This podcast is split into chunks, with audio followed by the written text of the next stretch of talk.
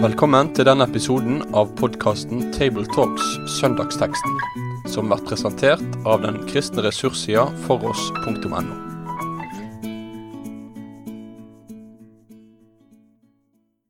Hjertelig velkommen til en ny episode av Tabletalks Søndagens tekst. Og da vil jeg faktisk begynne med å si godt nyttår. For på søndag så begynner vi på et nytt kirkeår. Og nå går vi inn i adventstida, og tekstene leder oss inn i forventninger om Han som skal komme.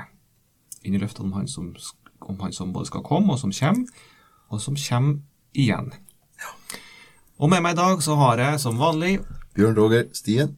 Øyvind Rått. Og navnet mitt er fortsatt Endre Stene. Øyvind, du vil lese teksten for oss. Vær så god. Og teksten finner vi i Lukas kapittel 4, fra vers 16. Og han kom til Nasaret, hvor han var oppfostret. På sabbatsdagen gikk han inn i synagogen, slik han pleide å gjøre, og sto opp for å lese for dem. De ga ham da profeten Jesajas bok, og da han hadde åpnet boken, fant han stedet der det står skrevet. Herrens ånd er over meg, for han har salvet meg til å forkynne evangeliet for fattige. Han har sendt meg for å forkynne for fanger at de skal få frihet, og for blinde at de skal få syn, for å sette undertrykte fri, for å forkynne et nådens år fra Herren. Han lukket boken, ga den til tjeneren og satte seg. Alle som var i synagogen hadde øynene sine festet på ham. Han begynte så med å si til dem, I dag er dette Skriftens ord blitt oppfylt for deres ører. Alle ga ham vitnesbyrd og undret seg over de nådens ord som lød fra hans munn. Ja, teksten står jo tidlig i Lukasevangeliet, kapittel 4. Lukas er den som forteller mest om eh, Jesu, det som skjer før Jesu fødsel, og, og like etter Jesu tidlige barndom. Og rett før vår tekst så eh, leser vi om Jesu fristelse. Og så kommer flere kapittel om, som forteller om Jesu virksomhet i Galilea. Så det er nå på en måte Jesus går inn i sin offentlige virksomhet. Eh, og vår tekst må, så, må ses på som en innledning av, eh, av denne delen. Eh, det var nok ikke det første Jesus gjorde i Galilea. Det, vi ser andre plasser at Jesus gjorde ting i Galilea før dette. Men for Lukas så er det tydelig at han plasserer dette i starten av en ny del av sin bok, fordi han eh, nok mener at dette var et forbilde på Jesu profetiske virksomhet i de kommende tre årene. Det er en sentral tekst vi egentlig har for oss. Mm. Ja, eh, på mange måter så, så, ser vi det at det er Jesu programerklæring. Hans handlingsplan, hans strategi, hans oppdrag, som nå her formidles. Eh, Jesaja har jo profetert den her tidligere, og Jesus bruker da Jesajas ord som sin programerklæring. Mm. Og formidler at det er noe nytt mm. som kommer. Mm. Eh, I mange menigheter og kristne forsamlinger jobbes det jo mye med ulike strategier og handlingsplaner i de her mm. tidene. Men her ser vi altså hva som ligger Jesus på hjertet. Hva som er det viktigste av alle ting. Mm. Ja. Jesus bor jo nå i Kapernaum, som er på nordsida av Genesaretsjøen. Og så går han altså ca. fire mil. Fant til morges fra Jeg kikka på Google Maps, i hvert fall hvis du går. Fire mil til, gjennom dagens veier til, til Nasaret sørvest for Genesaretsjøen. Han kommer altså til den byen som han har vokst opp, lært salmene, eh, gått i synagogen, og så går han inn i synagogen som han pleier. Eh, det å gå i synagogen, til synagogetjenesten var en selvsagthet for Jesus. Eh, og i synagogegudstjenesten består av, det bestod av salmesang, bønn, den jødiske trosbekjennelse, skriftlesning og utleggelse. Um, synagogeforstanderen måtte godkjenne den som skulle si noe.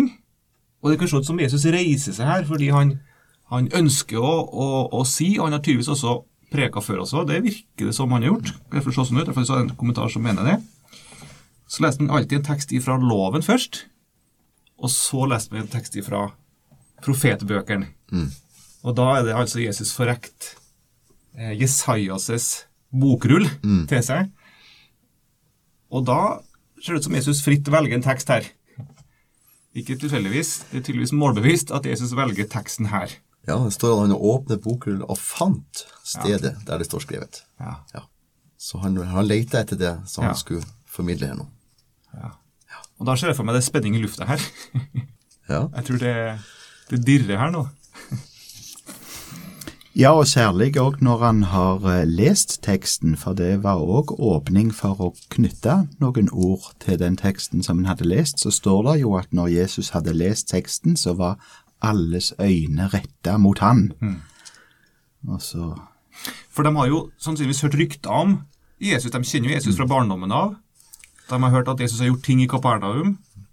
De svirrer rykter om ham, og nå er han tilbake til sin hjemstad, hjemby, der han vokser opp. Og så leser han. Og så leser han fra Isaiah 61.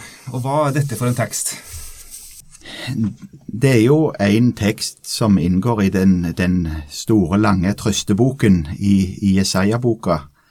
Eh, Der en av disse tekstene der vi møter Herrens tjener.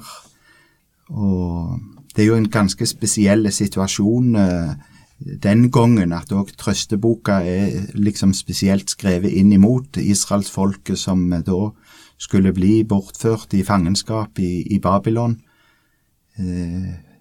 fangenskap, all slags nød eh, forbundet med det. Og ikke minst det at de var i utlendighet, borte fra landet sitt, fra Jerusalem, fra tempelet, stedet der Herren møtte folket og ville komme de nær. Ja, ikke nok med det, men tempelet det skulle legges i ruiner, og håpløsheten skulle på en måte være total. Og så er det at eh, denne trøsteboken og, og denne teksten fra Jesaja 61 kommer der Herrens tjener stiger fram og forkynner det som han gjør. Og så er interessant eh, at eh, Jesus eh, formidler eh, at han er salva til en oppgave, salva til et oppdrag. Og det er jo det som han tar utgangspunkt i i Jesaja-boka. Herrens ånd er over meg, for han har salvet meg til å forkynne et godt budskap.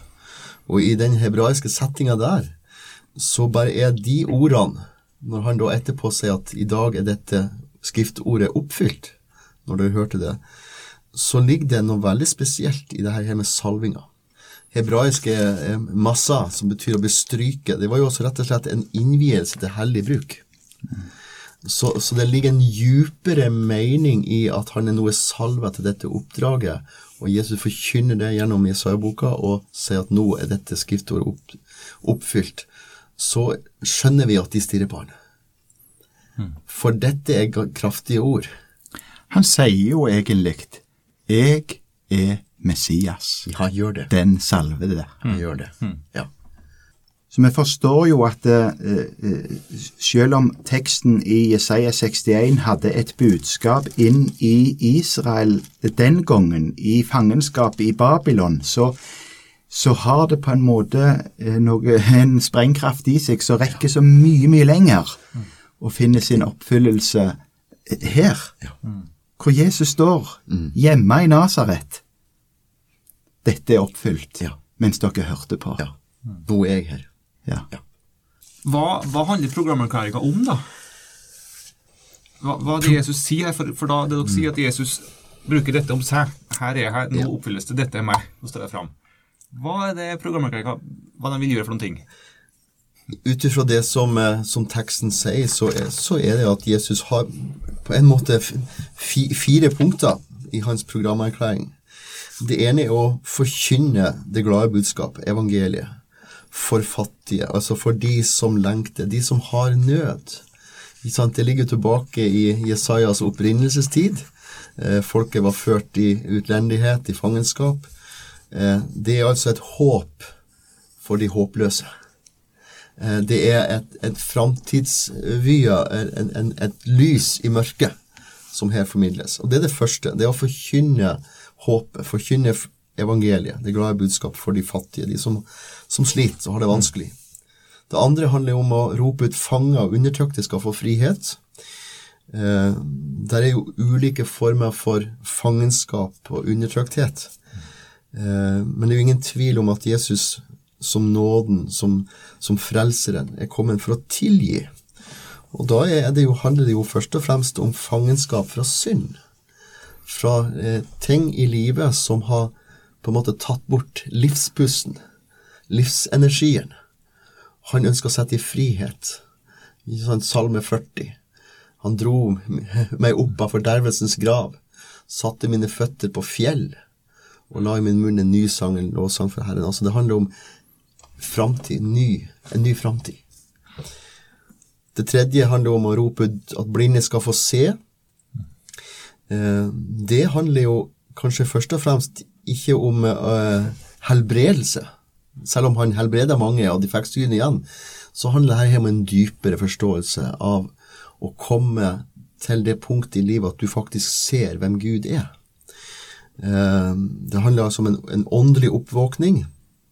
Det handler om Den hellige ånds evne til å la de blinde øyne få se hvem Gud er, hvem Jesus er. Uh, det her er blant annet Jeremia i kapittel 31, fra vers 31, formidler Jeremia noe av denne profetien om en, en, en ny tid, eh, der de ikke lenger skal ha liv i Gud basert på, på kunnskapen og, og, loven som sådan som var gitt eh, etter utgangen av Egypt, men det skal komme en ny tid der de enhver, både gamle og unge, skal kjenne Herren. Eh, og, og få øynene åpna. Det handler rett og slett om en, en, åndelig oppvåkning. Og det fjerde er jo nettopp det her å rope ut et nådens år, en, en nådetid. Eh, gratis.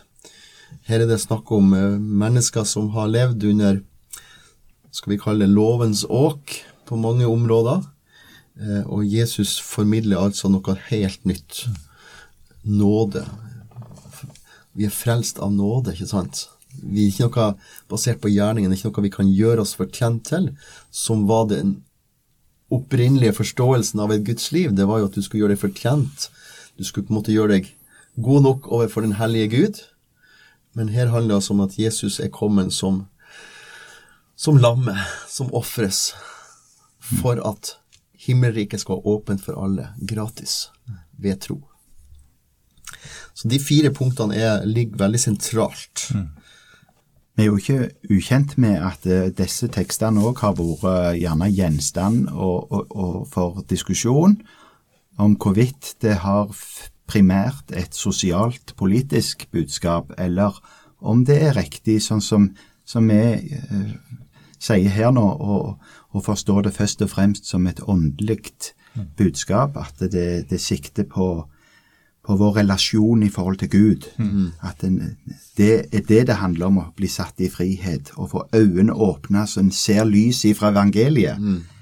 Så det, det, er en diskusjon som, eh, som, har vært kanskje særlig de siste mm. 50-80 åra i, mm. i, kirkens historie.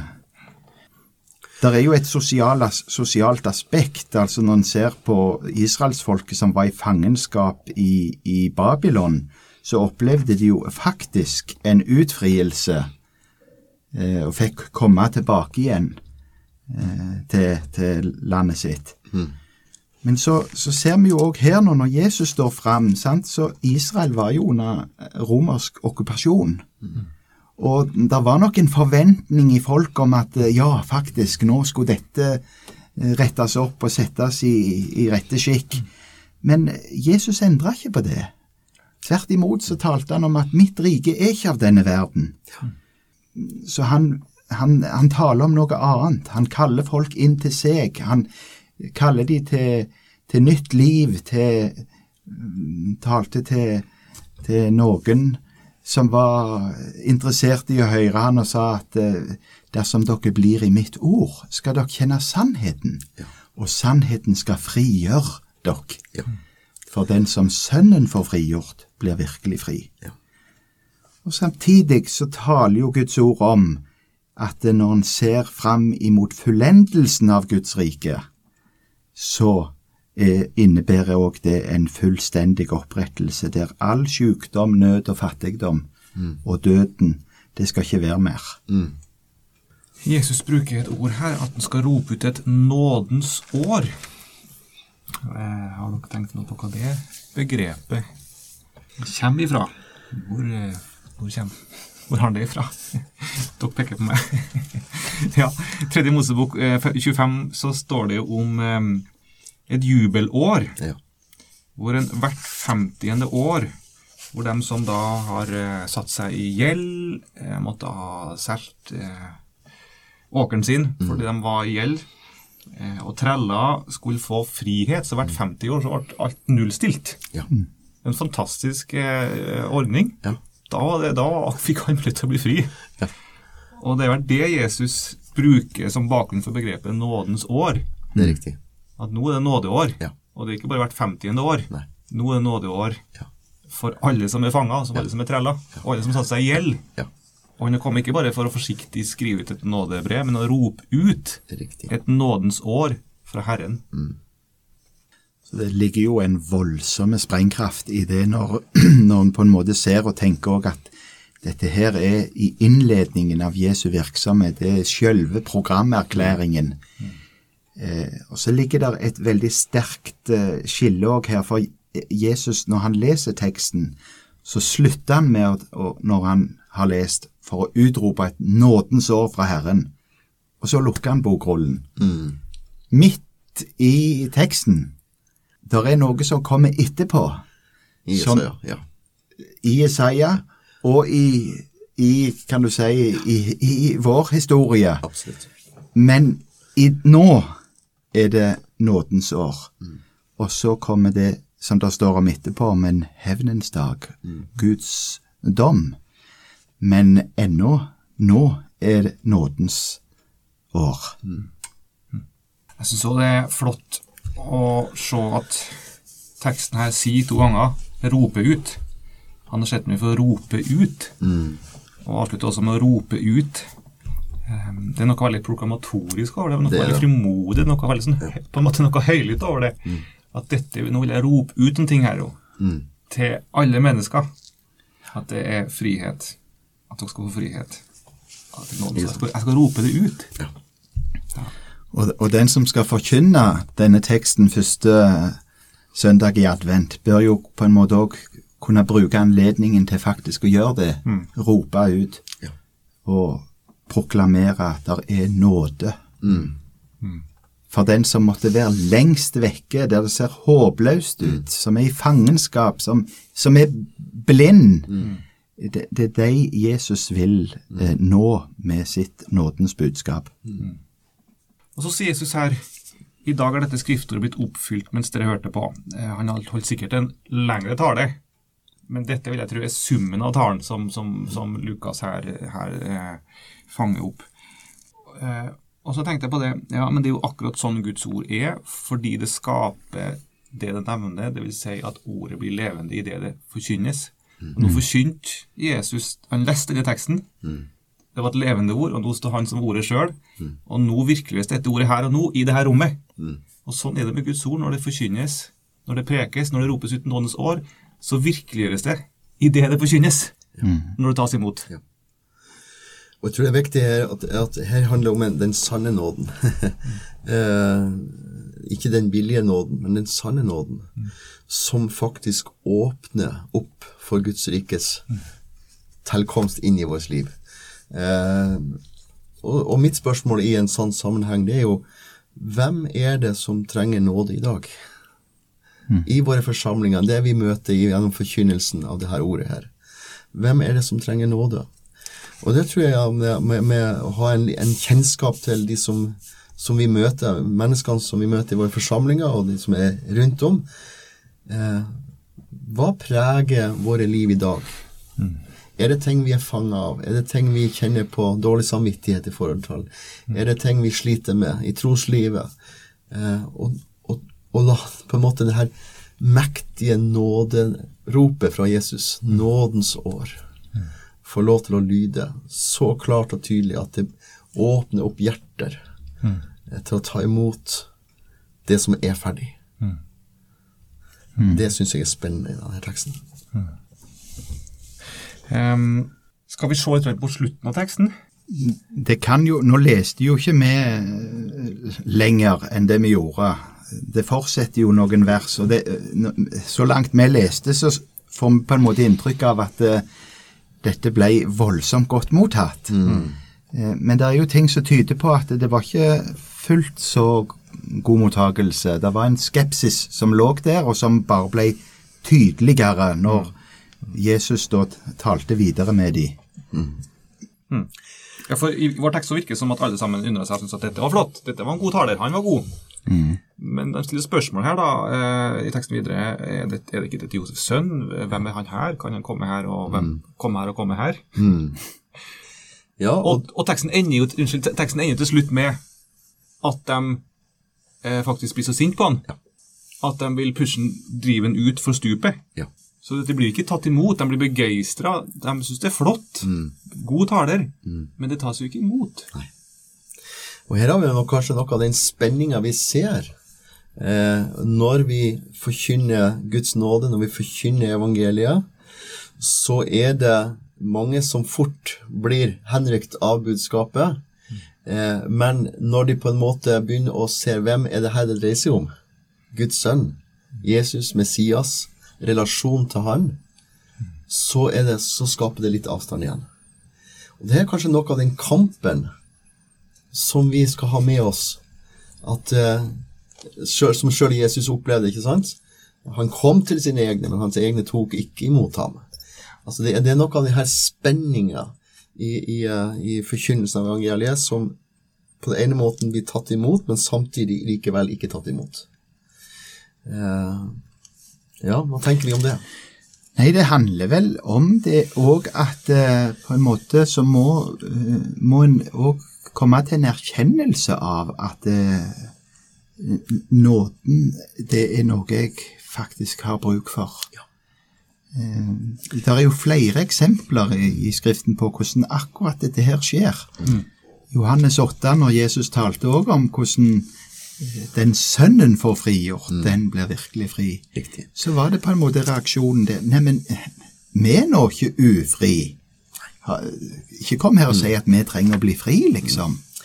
Nei, og Vi ser i teksten at, at de på en måte var De, de gleder seg over ordene, men de hadde, pro, de hadde problemer med personen. De gleder seg over nådeordene, men de hadde problemer med han som formidler ordene. Det er jo en som har sagt det, at tro, kristen tro, uttales relasjon. Det er personen Jesus som er nåden. Det er personen Jesus som er veien, sannheten og livet. Og der er jo kanskje litt av utfordringa, ikke sant, hvis vi på en måte lar nådeordene være en politisk aspekt. Et flott budskap. Eh, men, men Jesus er kommet som personlig frelser. Det handler om relasjon til Jesus. Det å ta imot Han som vår personlige frelser og venn. Det er da nåden blir på en måte implisert i vårt liv. Å skape liv, framtid og håp. Og jeg tror det ligger noe av det her spenninga her mellom ordene og personen Jesus, som, som vi ser eh, i teksten. Og som vi ser kanskje også i vår kirkelige tilværelse i dag, i mange plasser. Man, man gjerne vil ha nåden, men vil ikke ha Jesus. Man vil gjerne ha en, eh, en kjærlig Gud, men man vil ikke ha Gud, Gud som sin helhet. Nei. Den tredje Gud. Og Gud er lys, og å leve i lyset med alt i sitt liv, det vil vi ikke. Og det står i Johannes 3. Um, og dette er dommen at lyset er kommet til verden, og menneskene elsket mørket framfor lyset, for deres gjerninger var onde. Så Jesus kom med nåde, med lys, med frigjøring fra alt som binder, alt synd, all urenhet, og innbyr til lyset og til nåden. Men mennesker vil ikke. Vil ikke komme for nær. Og Det var Jesus store smerte, og det Guds store smerte da også, at han så inderlig gjerne bare vil inn i lyset, vil gi nåde, men mennesker vil ikke. Og den, eh, den, det valget har ethvert enkelt menneske fått av Gud. Til selv å velge. Vil vi ta imot han? Ikke bare ordene, men ta imot Jesus som den han er. Eller vil vi ikke? Og Det er noe av den spenninga vi ser i etterkanten av denne teksten. Ja. Og med det tror jeg vi runder av for eh, denne eh, gangen her, og så kan vi avslutte med en, en bønn. Kjære Herre Jesus Kristus, vi takker og priser deg fordi du kom for å forkynne et nådens år, Herre.